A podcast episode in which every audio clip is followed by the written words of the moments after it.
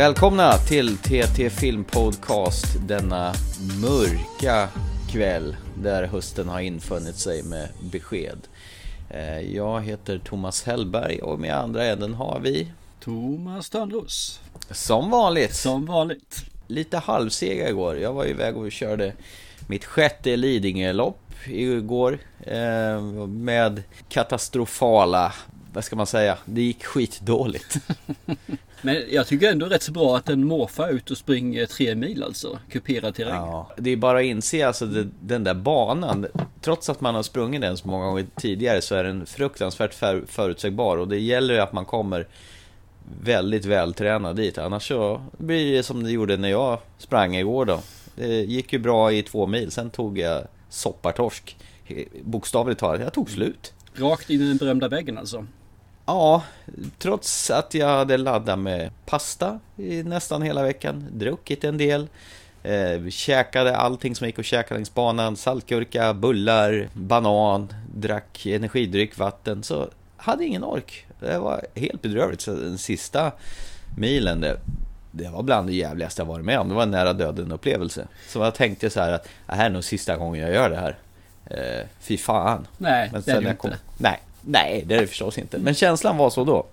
Jag tycker det är starkt gjort i alla fall. När man tar slut och man ändå fullföljer. Det är imponerande bara det. Att... Ja, jag tror det har att göra med att det står ju folk längs banan och hejar på en och sen är det ju alltså medlöpare som springer där och pushar en och kom igen nu då.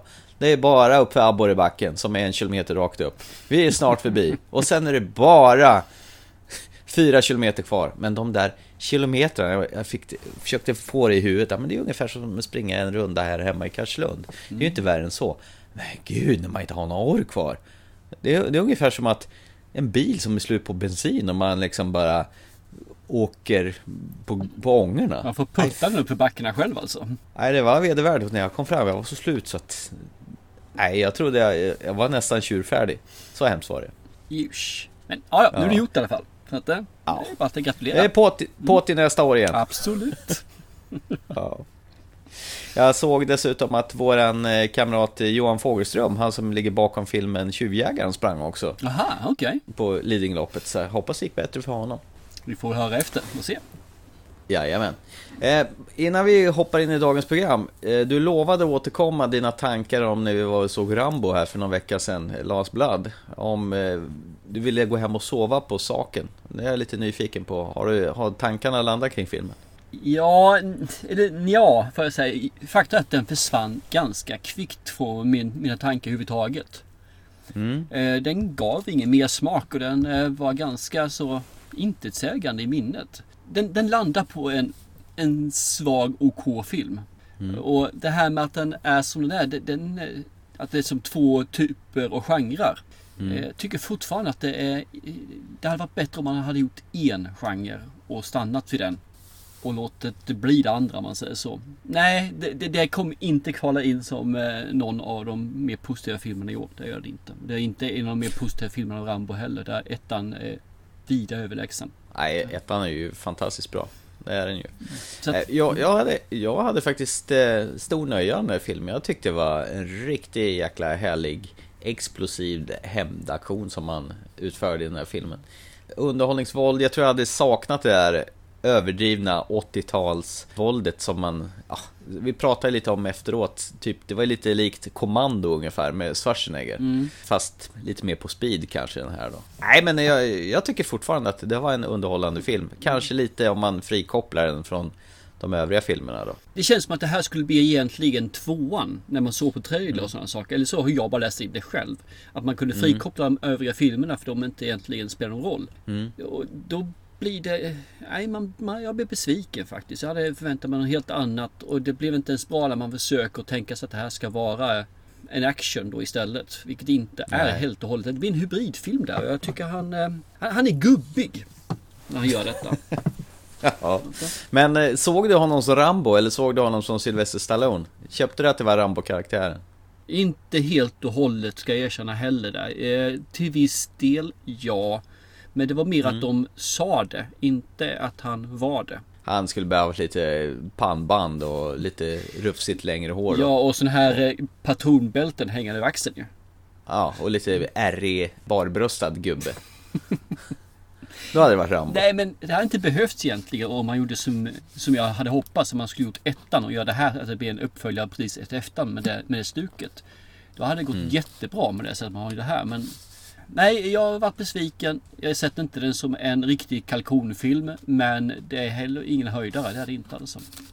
Ja men då tycker jag vi lämnar Sylvester Stallones eh, sörja då. För till, eh, till evigheten. Japp. Yep. I could have killed you.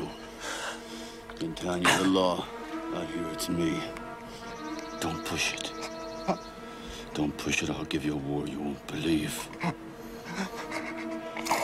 Let it go. Let it go. Nu ska vi gå över till någonting annorlunda, någonting som vi inte har gjort förut. Eh, prata kortfilm. Eller har vi pratat om kortfilm? Ja, vi har kort, pratat en kortfilm men den var inte så kort som den här. Den var väl 14 minuter någonstans där. Han älskade henne så mycket. Ja, det var den där med Per Ragnar, mm, ja just det. Den var ju otroligt ja. bra. Jag kommer ihåg den fortfarande och eh, väntar på sin fullängdsfilm. Nu ska vi prata om en, en treminutare. Mm. Finn Hellman kontaktade oss och sa, jag har gjort en kortfilm. Skulle ni vara intresserade att prata om den i podden? Och vad tusan är det här då för någonting? När jag pratade med honom och fick det här go så visste jag faktiskt ingenting om det här mer än det som ingenting. senare kommer i pressreleasen. Mm. Där det då är en... Ja, man förstod ju till att det var lite, kanske lite mer... Det handlar mm. om blinda människor och att man lär känna folket och se hur de ser ut genom att använda händerna i ansiktet. Och det, där och det här namnet på filmen då, face rape. Att man egentligen våldför sig då på andra människor genom att tafsa på dem i ansiktet, vilket kanske ibland inte är helt okej. Okay. Och att det då också samtidigt är en stereotyp som inte finns i verkligheten. Man gör inte så som blind. Nej, och det har väl filmbranschen eh, under många, många år använt sig av. Yep. Det är regissörer och filmskapare. Oftast när de ska illustrera en blind ska vara kladda på den seende i ansiktet för att mm. bilda sig en uppfattning hur den personen ser ut och vilka ansiktsdrag den har. Yes. Och jag kan väl villigt erkänna att jag har trott att det är så det har funkat. Jag har faktiskt inte tänkt på det alls, så antagligen har jag med tänkt att det är så det funkar. Men det var intressant att se deras vinkel på det här egentligen. Och, Just det. Och det är väl det man kan säga hela filmen är, eller ja, den här kortfilmen är ju mer eller mindre ett ställningstagande och en demonstration egentligen mot filmbranschen och det sätt som de visualiserar blinda människor. Sen Finn Hellman, han har ju väl tagit ungefär från 17 spelfilmer med sådana här scener som han eh, kallar för face rape då. Eh, det här med kladderiet i ansiktet där. Mm. finns säkert massor fler då. Mm, oh ja. Och sen har de syntolkat den också med någon dam som står nere i hörnet för att förstärka det här då. Och sen är det någon voice-over som eh, berättar vad som händer. Det en, en ganska sån här enslig röst. Eller hur ska mm. man kunna tolka? Eh, lite entonig, lite eh, inte känslomässig utan väldigt eh, nästan en ja. repeterbar. Man, man säger någonting utan att känna. Ja men precis, att man har slagit av känslan där mm. och bara berättar någonting. Yes. Jag kan ju erkänna att bland det värsta jag vet överhuvudtaget, det är att bli kladdad i ansiktet. Och fötter. Ja, Tänk att bli kladdad i ansiktet med fötter. Det måste ju ja, vara... men, alltså det är, det är ju mardröm mm -hmm. alltså. Jag skulle kunna vakna upp kallsvettig av det hela. Men just det där att någon... Kan du tänka om någon kommer fram och sen lägger handen på ansiktet, sen puttar till en lite grann. Det, det är så fruktansvärt förnedrande. Mm. Och jag avskyr när någon har sina händer i mitt ansikte. Jag vet inte vad det är, men jag, jag, tycker det är vidrigt. Jag tror det beror lite grann på hur den gör det också. Ja. För jag menar på, jag menar, in och kladda och lägga hela handflatan över ansiktet och dra neråt om man säger så. Eller så här, riktigt, det är ju, mm, det där känns inte okej. Okay. Men en lätt smekning längs med kinden eller man följer konturerna på ansiktet när man är lite mer intim. är ju väldigt mysigt tycker jag. Nej, jag gillar inte det alls. Okej, okay. Nej, jag tycker det kan vara jättehärligt och väldigt stimulerande händer i ansiktet, jag blir aggressiv. Jag skulle liksom kunna putta undan, om det var som min sambo skulle jag putta undan när hon skulle vara där och... Nej, face off säger jag bara. Eller hands off, på face off. Det gillar jag inte. Ah, okay. Så jag, jag, förstår helt och hållet vad eh, Finn Hellman vill med det här. Att man... Så här går det liksom inte till för de blinda och det är ett ordentligt kraftigt statement med den här tre minuters eh, filmen. Ja. ja, men det håller jag med om. Och det man kan säga, film och film Mm, jag skulle nog mer säga det som en konstinstallation. Ett, ett collage. Ja, och det är sånt där som skulle kunna finnas egentligen om man tittar på det så finns ju Örebro varannat år det här Open Art. Ja, ja så men man precis. kunna ha den där alltså i en monitor och sen skulle den gå att repeteras mer eller mindre. Så att eh, det är mer det om han vill verkligen göra ett statement mot, mot eh, filmvärlden tror jag. Han ska ju visa den här på Västerås på filmfestivalen där. Och sen ska man vara på någon eh, Rhine International Film Festival in Cin- Cineati. Så Mm. eh, den kommer väl cirkulera den här kortfilmen lite varstans. Kul i alla fall tycker jag. Jag förstår vad han menar och, eller vi tackar Finn att han kontaktade oss. Absolut. eh, För att vi fick se den här. Eh, inte var vi riktigt vana att prata i podden men det är alltid kul med någon som använder mediet för att få fram ett statement Ja, så att säga. det tycker jag absolut. Det är ett jättebra sätt att få fram det och framförallt sprida kanske en sanning också som är, inte är allmänt vedertagen där ute.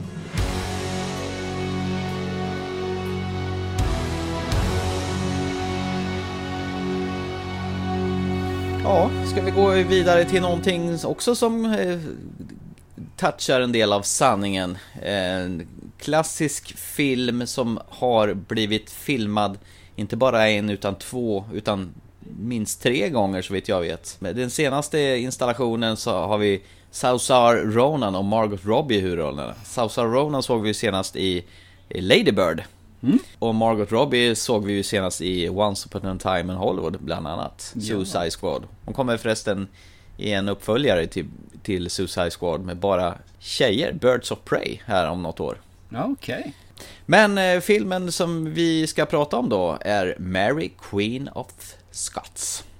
Your queen is in Scotland now. Queen Elizabeth, your cousin Mary has returned to rule. We have a scourge upon our land, a woman with a crown. Tell my cousin that we pray for peace. She has a claim to your throne. You would have me depose the sister monarch. It is either civil war there or civil war here. Do not play into their hands. Together we could conquer all of those who doubt us. Mary, Queen of Scots in cinemas January 18th. Hade du grepp på att den här blev filmad flera gånger tidigare? Eh, nej, faktiskt inte. Så det var nytt för mig när du sa det nu precis. Första gången 1971, andra gången 2013 och nu 2018. Några med släktband, ena bor i Skottland och den andra är drottningen av England. Och varför blir det rivalitet här? Man kan väl egentligen säga från början att eh, vi har ju Mary Stuart som egentligen hade varit eh, i Frankrike, bortgift där. Men eh, den, hennes gemål dör ju och hon återvänder då hem till Skottland. Och bara med att sätta foten på ja, skottisk mark så blir hon ju ett hot mot Queen Elizabeth då ju. För hon har faktiskt ett starkare claim på att vara drottning än vad hon har. Och därav börjar ju rivaliteten och ett politiskt spel mellan de två. Där eh, Mary Queen vill då utropa sig att hon är efterföljare om nu Queen Elizabeth skulle dö utan arvingar. Medan hon inte vill ha en, ja, en katolik egentligen där. För egentligen är det här också väldigt mycket religiöst. För det är katoliker och protestanter och de kan ju liksom inte komma överens någonstans. Man får följa den här resan framåt egentligen hur den eh, bölja fram och tillbaka med deras rivalitet samtidigt som de då ska handskas att vara drottningar, makthavare i en mans värld. Så de har konspirationer både mot varandra och eh, inom sitt egna land kan man väl säga. Jag, jag såg den här med min sambo för jag tänkte det här är ju kostymdrama slash historia. Så att det lär ju vara hennes kopp av te om man säger så. Jag hade fel. Hon tyckte inte alls om det här. Faktiskt. Faktum är att eh, inte riktigt jag heller. Eh, jag är jättesvag för, alltså vi såg, eh, nu var det en lite urflippad eh, när vi såg The Favourite med Emma Stone bland annat. Någon typ av sånt här, fast det här är lite mer historiskt korrekt kan jag tänka mig.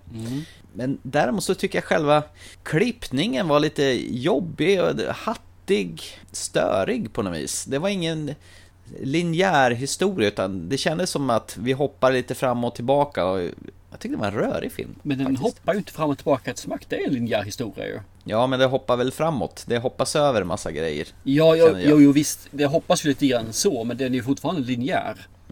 Och sen hoppas det Mm. Ja. över för att det går ju inte att ta det. Det här är ju liksom ett skådespel som sträcker sig över x antal år. Och då kan man ju inte följa Mm. det slaviskt hela tiden för då skulle det bli just bli en film som är x antal år lång. Så att, men jag, jag kan förstå lite grann hur ditt eh, tänk och ditt motstånd till den. Ja, eh, vad jag tänkte på mer att eh, de börjar ju...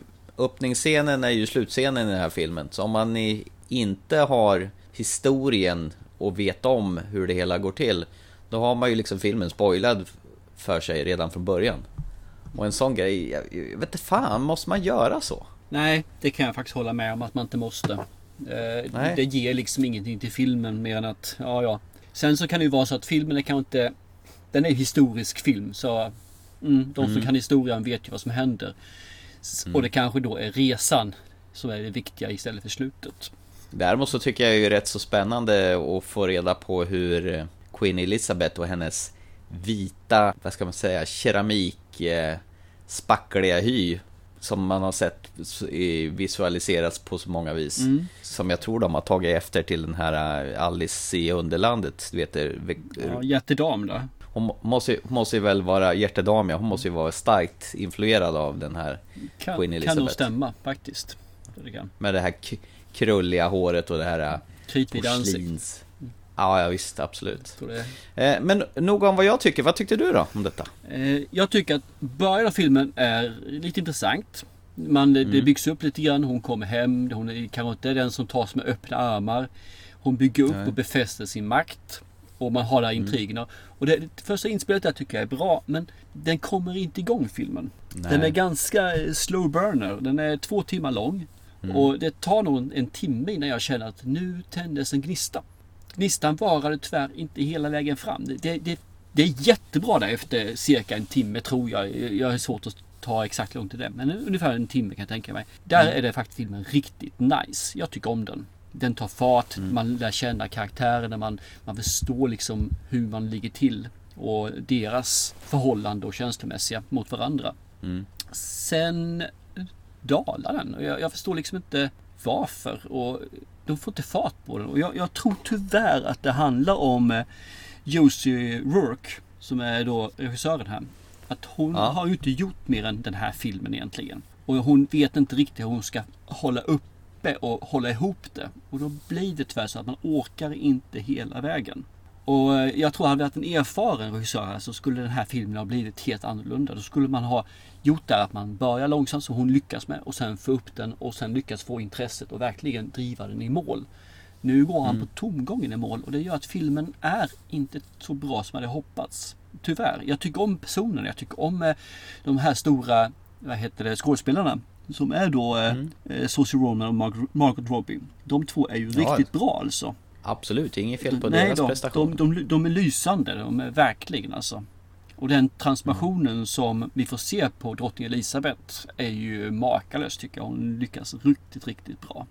Så att nej, tyvärr, den, den fastnar inte hos mig heller den här filmen. Det gör den inte. Jag vill inte trasha den helt och hållet för jag, jag tror det finns ett värde av den här filmen. Framförallt så lärde jag mig en del om historia som inte jag kunde innan. Mm. Eh, Den är ju ändå från 1500-talet den här, eller utspelar sig på 1500-talet. Vilket gör ju Mm. att just den epoken är ganska luddig för mig. Jo, det är väl för den skull att du får lite en historielektion här. Ja, Men eh, ja, nej, jag håller med. Den tänder aldrig till. Och uppbyggnaden blir aldrig någon riktig uppbyggnad utan det bara är där och där och sen är filmen slut. Ja, men lite grann så är det ju. Men mycket intriger däremellan givetvis. Men det som är lite intressant, det verkar ju vara en riktig slow burner att göra också. För den här kördes igång i alla fall, eh, ja, vad säger jag, 2006. Så var egentligen Scarlett Johansson tänkt så att vara huvudrollsinnehavaren. Hoppla! Och, men hon hoppade av och sen så blev den här då lagd i malpåse. Och det tog det rätt många år, så det tar till 2018 innan den då lanserades ut. Och det, och det, det får man säga att det är ju en riktig sl- slow burner om man säger så. så det- Så, sånt eh, brukar ju vara så att slutresultatet inte blir riktigt hundra. När det är en sån här lång, lång utvecklingsprocess. Ja, fast jag tror faktiskt återigen, jag, jag skyller tyvärr på regissören i det här fallet att hon inte lyckades orka och hålla ihop den. Ehm, Det är en svår film att, att hålla ihop för det är ett ganska tungt ämne och det, det är ju Politik är inte det mest heta och erotiska som finns där ute. Nej. Då ser jag faktiskt hellre fram emot säsong 3 av The Crown som eh, kommer snart på Netflix. Och det är ju hon som spelade huvudrollen i eh, The Favourite. Alltså Queen, hon som spelade Queen, vad heter hon? Queen Anne där va? Uh, just det. Mm. Det är hon som ska spela Elisabeth i säsong 3. Okej, okay, nice. Ja, det kan vara ja, bra. Nu har, ju, nu har ju Queen Elizabeth blivit äldre så nu har vi sett det sista av den tidigare skådisen. Mm. Nu står det helt still i huvudet på mig. Så jag kan varken tala om vad hon hette tidigare och vad den nya skådisen heter. Nej, jag vet så... faktiskt inte ska jag erkänna heller. Jag är jättedålig på det. Nej.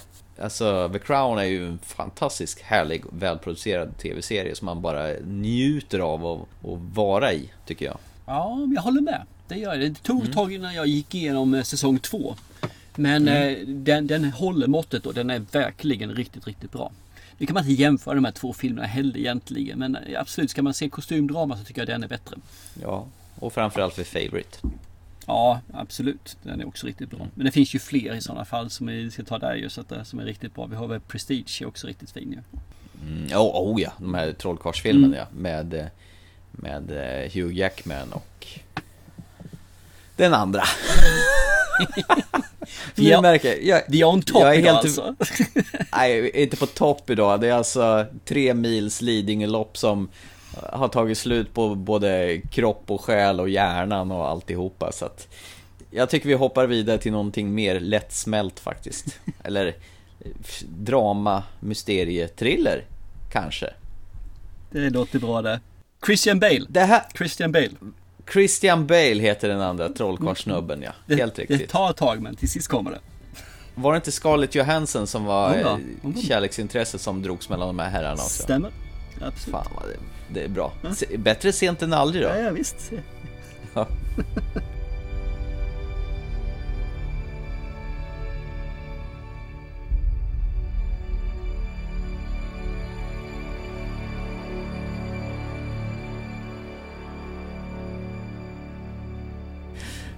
Men du, hon Greta. En jädra härlig tant va? Greta? Du menar hon som ja. eh, åt pepparkakshuset? Ja, typ. Nej, inte riktigt så här va. Det var lite spännande. Vi fick ju den här filmen från eh, Sony, Universal Sony Pictures. Stalker hette filmen mm, då. Precis. Varför då? För jag menar, om man vänder på omslaget så heter filmens originaltitel Greta, mm. rätt och slätt. Och jag sökte efter Stalker för att leta på lite information och hittade inte den någonstans. Så det Nej. är Greta man får söka på, det är bara så. Jajamän. Så det är en försvenskad titel. De tyckte väl att det, det, går inte att sälja in en film som heter så. Det hade funkat alldeles utmärkt. Ja då, varför inte? What's wrong, darling? I'm really not feeling well. Would you like to lay down? No, I think I should just go home.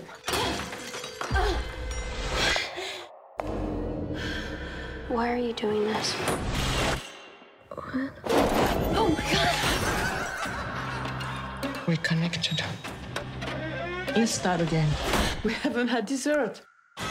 What did you do? Greta. In cinemas now.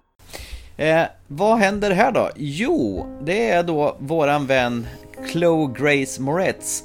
Hon eh, spelar en karaktär som heter Frances som åker tunnelbana en kväll och så hittar hon en liten grön väska som står kvar på ett säte då inne på tunnelbanan.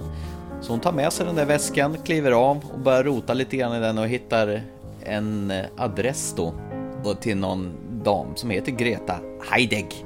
Går hem till den här tanten och säger hej, jag hittade din väska. Åh, har du kommit hela den här vägen för min skull?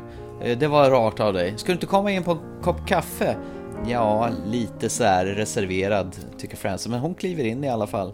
Och där någonstans så startas en, en varm vänskap då mellan Frances och Greta. De eh, bakar tillsammans, de äter middagar tillsammans medans eh, Eh, Frances eh, rumskamrat som hon bor tillsammans med börjar tycka, är det inte märkligt att du hänger med en gammal tant istället för att haka med mig ut och festa och, och så vidare? Nej, men hon är ju bara en liten trevlig tant. Vi, vi trivs tillsammans. Initialt då, eh, tills Greta börjar visa lite konstiga tendenser och börjar förfölja henne på jobbet och börjar spana på henne och bombar henne med massa meddelande på hennes mobiltelefon. Sen kan man ju räkna ut med arslet att det här är ingen snäll tant kanske. Eller är hon missförstådd? Ja, det är ju det som är frågan. Mm -hmm. Den här filmen hade jag absolut ingen aning om vad det var när jag stoppade in den i Blu-ray-spelaren. Och jag blev ju lite glatt överraskad att få se Chloe Grace Moretz från Kick-Ass som spelade Hit Girl i en roll. Henne har jag inte sett sen hon spelade i remaken till Carrie va? Eh, jag tror banne med att det är sista gången jag såg henne där med. Så eh, Mm. Hon har väldigt flickaktigt utseende fortfarande, även fast hon är bra mycket äldre. Nej, hon var med i Suspiria för fasen också ju. Ja, en liten snutt. Ja. En kort roll. Ja. ja. Gjorde väl inget större väsen från sig här. Nej, det har du visserligen rätt. Men eh, jag tycker det här är en... Eh, initialt var det en ganska slow burner från början också. När de etablerade den här kontakten med den här tanten. tänkte jag, vad fan ska det här leda till? Och sen sakta men säkert så är det en film som kryper in under skinnet på, på en. Och visar att det här med psykisk ohälsa kan ju vara riktigt lattjo. Eller? Ja, det förstår för dig det. Absolut. Ja. Nej, men eh, det är som du säger. Den är ju... eh, Den börjar väldigt fint. Den börjar lite mer som en, en dramafilm egentligen om, om Mm. vänskap. Och sen Ja. efter det tar den ju steget vidare i nästa skepnad. Mm. Ja, den, den, är, den är jävligt obehaglig. Och det, ja. och det, det är intressant att stöta på en ny skådespelare tycker jag på det här viset. Mm. Som man då gör i, vad heter det, i Isabella Huppert. Som då är Greta. Mm. Jag har aldrig sett den innan men hon är djävulusiskt bra skådespelare alltså. Mm. Jag tycker om henne. Hon är ju tyvärr får jag säga det, milslängd bättre än. För Mm. Ja, det har han ju. hon, Absolut. hon har ett ansiktsuttryck. Hon har ett sätt att leverera. Hon är samma person hela tiden. Tyvärr. Hon är jättesöt hon har allt det hon var fantastiskt bra i Kick-Ass-filmen, ettan. Mm. Men hon har inte gjort så bra ifrån sig efter det alltså. Inte i min bok i alla fall. Det här är synd för man, det hade funnits andra skådespelare som tror jag hade kunnat lyfta upp den här rollen och gjort den bättre. Men Mm. Elisabeth Hubert gör det här ruggigt bra. Jag, jag tror på henne. Och ska vi Mm. sen se hennes kompis då som eh, Maika Monroe. Ja, som spelar Erika ja. Precis, henne.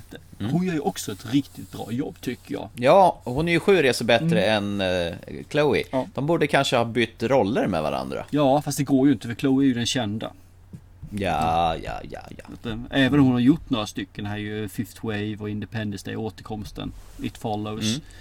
Men eh, mm, hon är fortfarande Mm. en större tycker jag, Chloe. Jo, det är så. Du, innan jag glömmer det. Alltså när filmen började så dök det ju upp namnet Greta mitt på eh, skärmen då. Mm. Då tänkte jag, jaha, är det någon så här kapitelindelning? Nu ska man få följa någon Ah. person som heter så. Jag fattar ju aldrig att det var titeln på filmen då. Nej, precis tänkte inte jag på faktiskt helt och hållet. Så att, eh, ja. Så att jag trodde ju ärligt talat inte att man gjorde så här längre. Att man ändrade en titel bara för att, ja. Inte längre, Sälj. nej. Jag tror inte jag Nej, men eh, så fel man hade. Men återigen, jädra skön tant den här eh, Isabelle Huppert. Mm. Som spe- spelar någon fransk... Eh, ungersk. Enligt ungersk eh, tant där då. Eh, som är fena på att spela piano, baka, använda kakformar Mm. Bland på fördömligt sätt. På ett eller annat sätt, ja. Precis. Jag tycker det är kul att för en gångs skull så har man en film Mm. som utspelar sig i New York. Men är då filmad i Irland. Är den? Mhm. Jaha, ja. Det trodde jag aldrig skulle hända. Så jag tycker det är ruggigt kul att de gör det på det här viset för en gångs skull. Och eh, bara hennes namn, eh, Heidegg. Det är ju Mm. faktiskt ungerska för förkylning. Jaha. Att, eh, jag tycker Ja. det, det är en lek med ord antar jag i alla fall. Så att, eh, Greta förkylning. ja, lite. Förkyl-Greta. Ja. Man får, man får ta det hur man vill, men jag tycker det är kul. Jag skulle villigt kunna erkänna att den här filmen hade ju passat på en skräckfilmskväll. Ja, det hade den kunnat göra. Absolut. Ja. Den har helt klart en plats där. Den har ju någon slags subgenre i, i skräckfilms... Eh, ja, väsendet. Den är ju en, det är en thriller med lite, en psykedelisk thriller kan man säga att den är ju. Den är, Det var det jag var inne på tidigare. Folk med psykologisk ohälsa är ju rätt så underhållande att se på film. Jo då, absolut. Det håller jag med om faktiskt. De är ju lite roligare än en eh, tråkig pensionär som sitter och knypplar. Eh, och det här blir ju någon slags annan touch. Jag tror jag har saknat det här psykopatbeteendet på film. Lite grann jag också. Jag tycker det är riktigt nice att de gör den här sortens psykopat. Jösses, vi pratar Verkligen. runt. Märker du hur vi pratar runt saker och ting istället för att vara raka och tydliga? För vi är så vansinnigt rädda för att spoila någonting. Men eh, jag tycker att det här, är ju, den här filmen är ju värd all sin uppmärksamhet. Jag njöt verkligen från fulla drag från första till sista bildrutan och jag ville dröja mig kvar i den här filmen. Jag tänkte, kan inte den vara lite, lite längre? Och den hade ett gäng smarta scener som återkopplas. Det är en sekvens i början av filmen som får sin förklaring i slutet av filmen. Och jag blev så jävla lycklig när jag insåg att det här var ju rätt smart gjort. Mm, ja, du får berätta sen vad du tänkte på. Det, är på. Mm, det ska jag absolut Mm. göra. Jag tycker att den här filmen ska helt klart, som du säger, lyftas fram. För det här är en Mm. film som lätt kommer att eh, glömmas bort, hamna i skymundan, men är värd att se. Framförallt om man tycker om den här genren. Mm. Så att Greta eller Stalker, beroende på vad du hittar utifrån. Ser du den här, har du Mm. möjlighet att titta på den, gör det. För den är helt klart värd det. Det är en lång, lugn film som accelererar upp till en riktigt skön rulle i slutet. Alltså. Jag, jag trodde först att nej, vad är det här jag sett där förut? Och det har jag gjort. Men det är ändå värt det varenda gång för de gör det på en lite ny touch. Så att, eh, se den, Greta eller Stalker. Det är bara att se.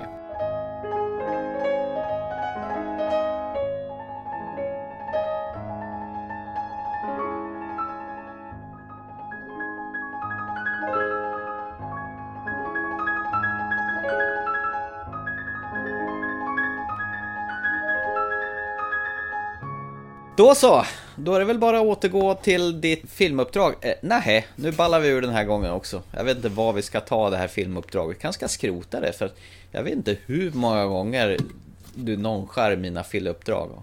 Ah? Första. Det här är första gången. Suspiria. Suspiria. Nej. Du tar fast vid någonting som inte finns där. Suspiria var ett gemensamt beslut. Gå tillbaka och lyssna på det så får du se. Det var ett Nej, gemensamt du beslut. vägrade. Du stängde av efter en kvart gjorde du. Du spydde på den där jäkla filmen. Och, och sen tror jag tre, fyra andra uppdrag som du bara nonchade. Nej, off the record. andra? Fan? Jag trodde du gillade den här programpunkten, men nej. Och nu det senaste här blindspotting, bara, nej, jag har inte tid. Det brukar ju låta så när man inte har lust. Jag har inte tid. Men du, jag, jag gör så här Ja. att jag, jag ringer min kära mor som är jättesjuk och talar om för henne att jag inte kan vara med henne och tillbringa tid och hjälpa henne med sitt liv och komma till rätta med det. Utan jag måste se ett uppdrag som kommer från dig, Thomas Hellberg. By the eh, way, hon, hon hälsar till dig och tycker att du verkar vara en helt underbar kille. Eh, jag är tyst nu. Där fick jag, så jag teg. Men du har ju varit på bio istället. Det är ju därför du inte har tid att kolla på eh, mina filmuppdrag. Du tog med din eh, fru Anna bio och gick på bio. Jajamän, vi fick en eh, gratis och förhandstitt på en komikers uppväxt av Jonas Gardell. När jag var liten kunde jag trolla. Jag kunde göra underverk. Det fanns ingenting jag inte kunde göra.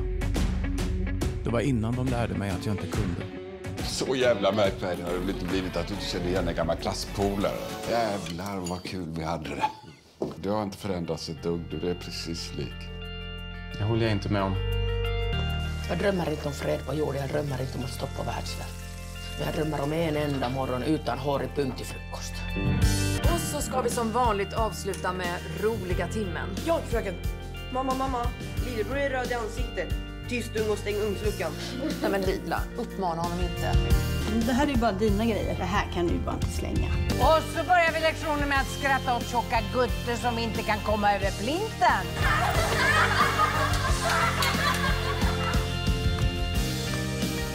Jag kan väl för fan inte ringa Jenny, vi har ju inte pratat på 40 år.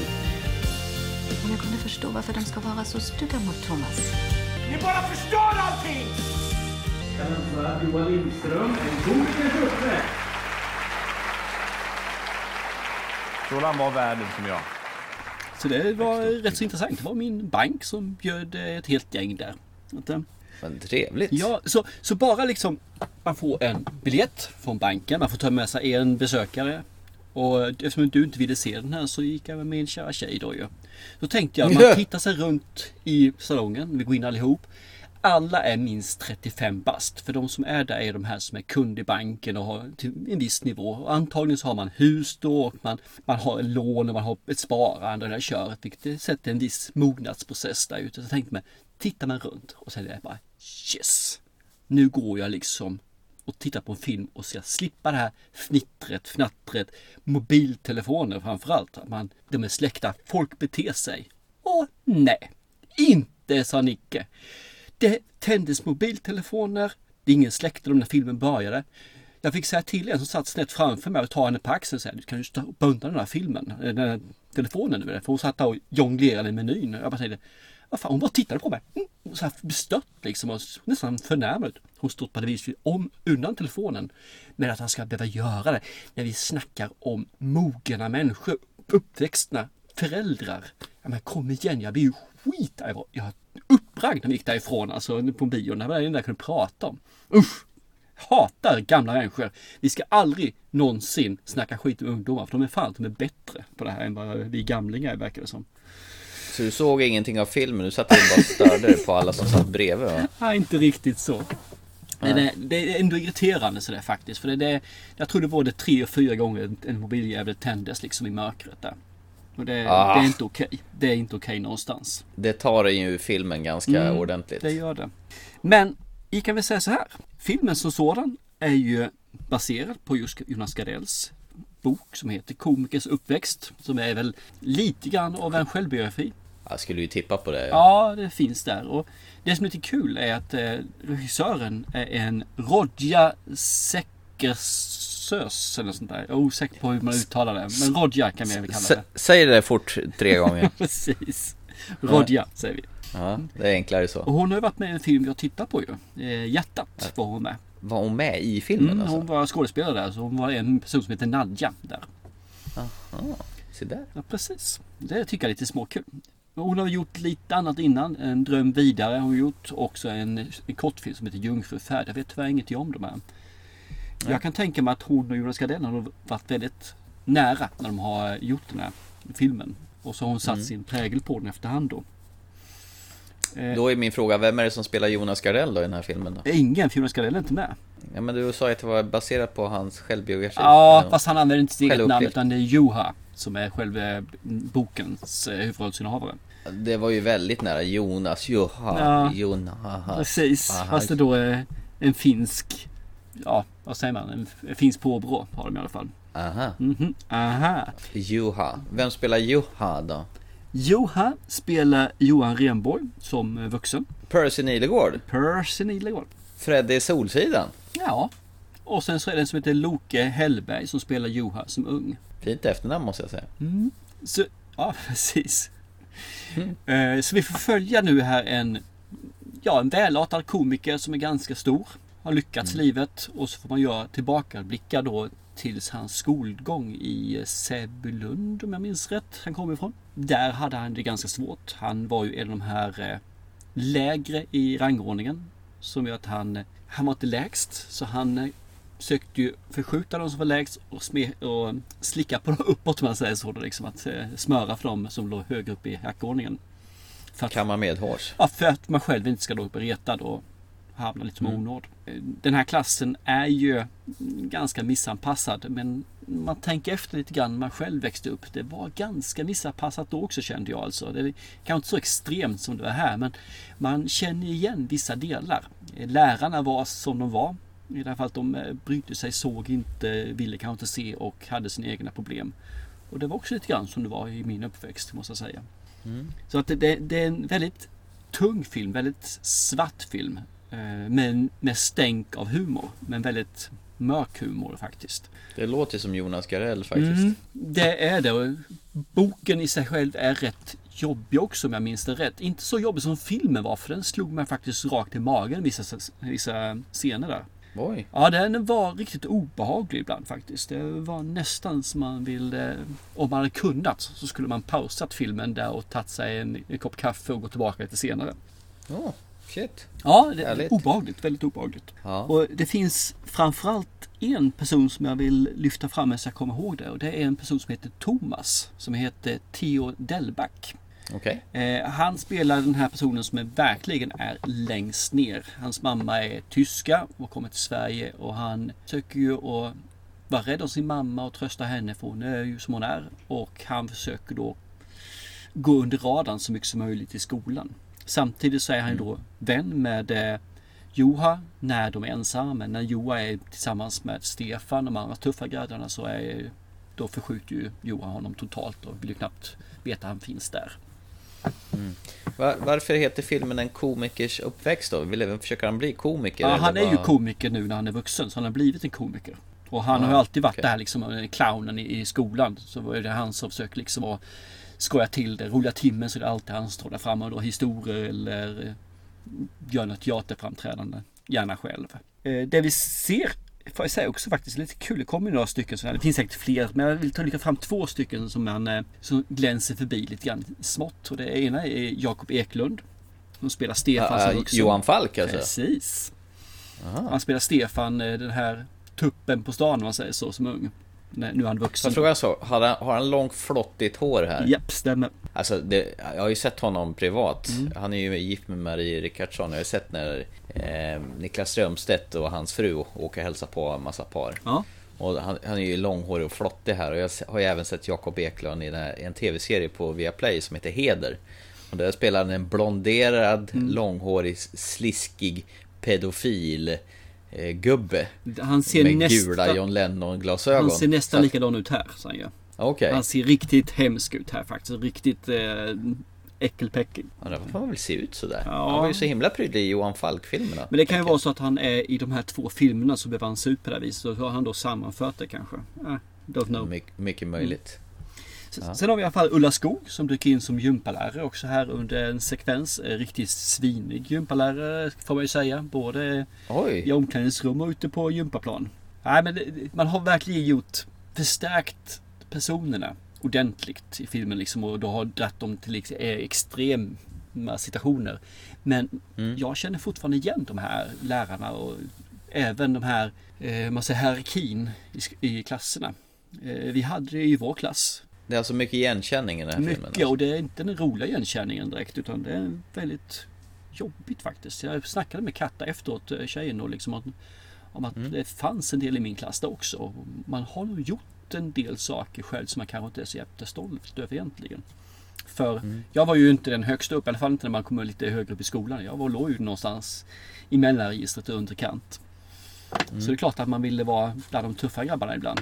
Även om man hade ett Mm. gäng som man tydde sig till. Vi nördar då. Ja, det var ju samma här. Vi var väl nerd herd, Ja, nerd herd, precis. Vi var inte alls häftiga. Vi var ju de här som spelade Commodore 64-spel och, och så. Och det ansågs ju då vara det töntigaste man kunde göra. Nej då, det finns, Bara- det finns värre saker.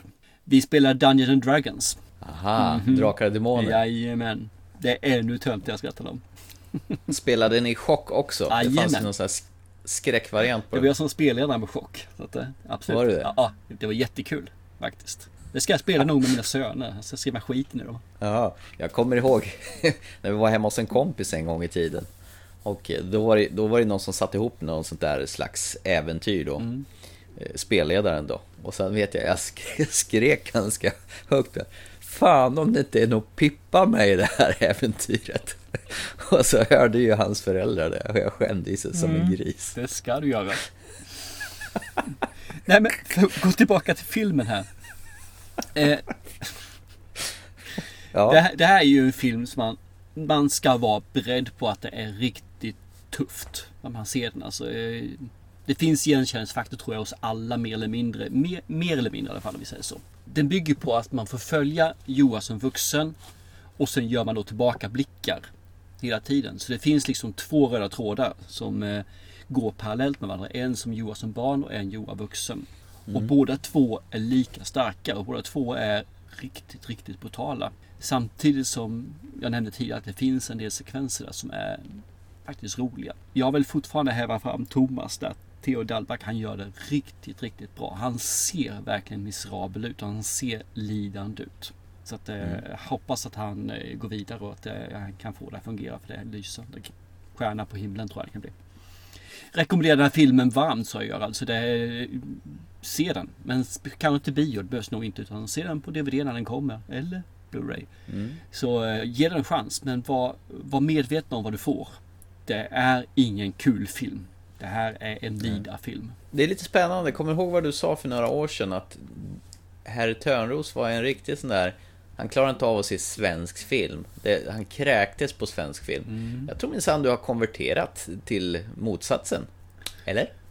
Ja, till viss del har han nog gjort det faktiskt. Eh, Mm. Det, det finns en en hel genre där ute som är bra. Sen så är, är det mycket det här eh, struntsvenska filmerna som jag inte kan med. Ja, den här som... Beck. Ja, Beck fungerar inte för mig till exempel. Det går inte. Men den här riktiga filmerna, de, de eh, fungerar. Det är hög kvalitet på dem faktiskt. I alla fall numera. Sen tror jag nog mycket av de här små independent-filmerna, de svenska som jag tittar på, som överraskat oss gång på gång. Stämmer, absolut. Och de överraskar kontinuerligt. Så att de kommer att överraska i framtiden också. Mm. Men, men ta de här gamla filmskaparna. Som, eh, jag säga, de kommer ut varje jul kommer det någon svensk stor film. Ja, just det. De tycker jag är bara, nej, funkar inte för mig.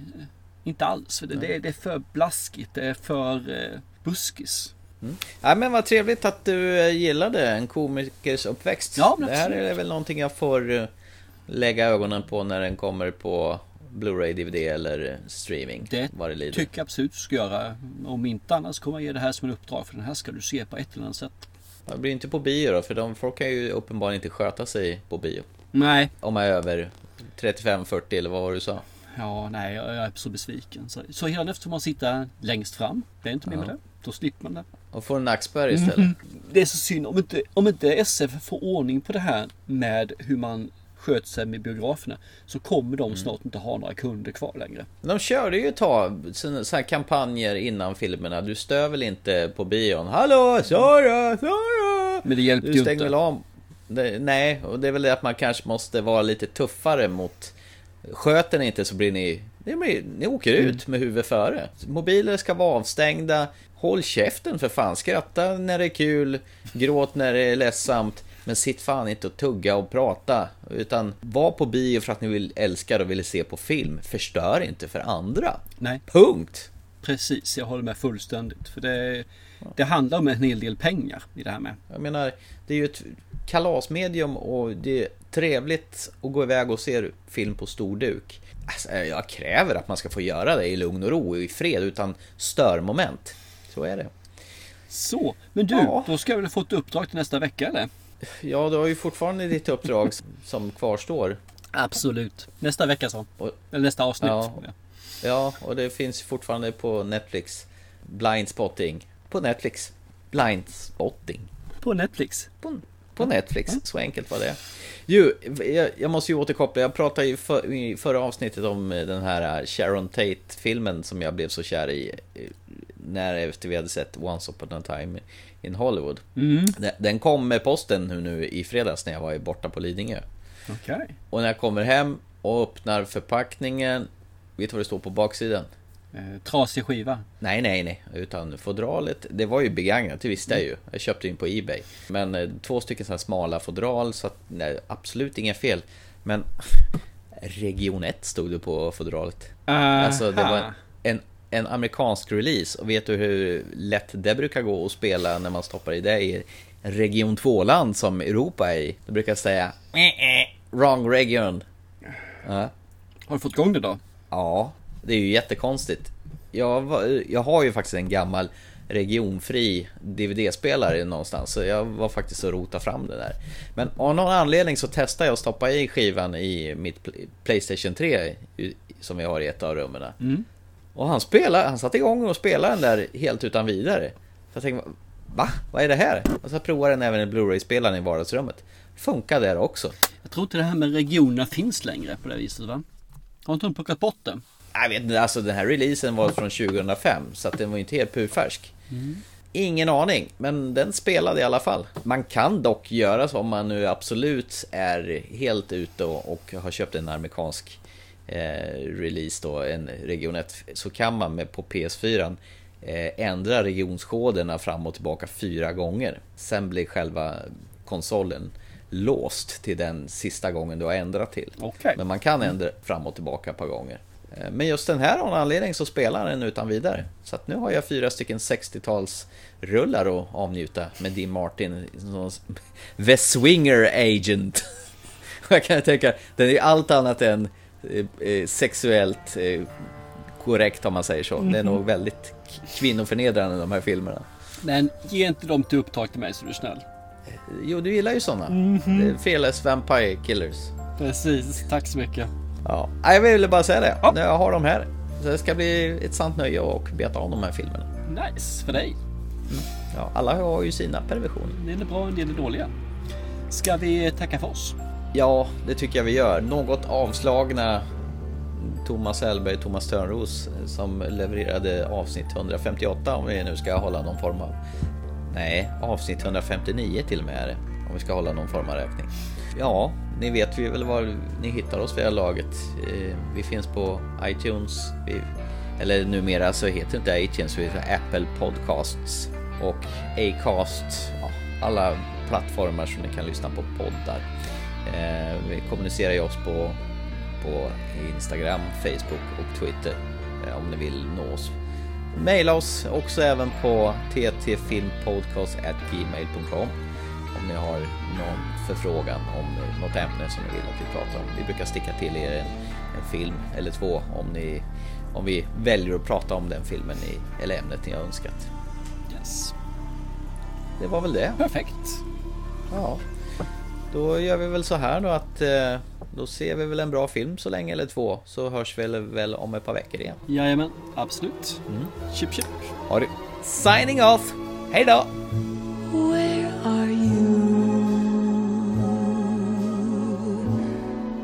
Where have you gone without me? I thought you cared about me. Where are you? Where's my heart? Where is the dream we started? I can't believe we're parted. Where are you? When we said goodbye,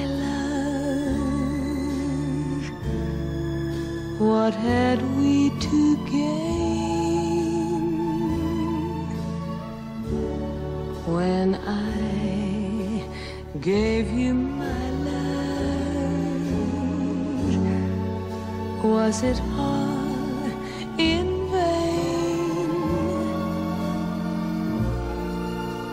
All life through, must I go on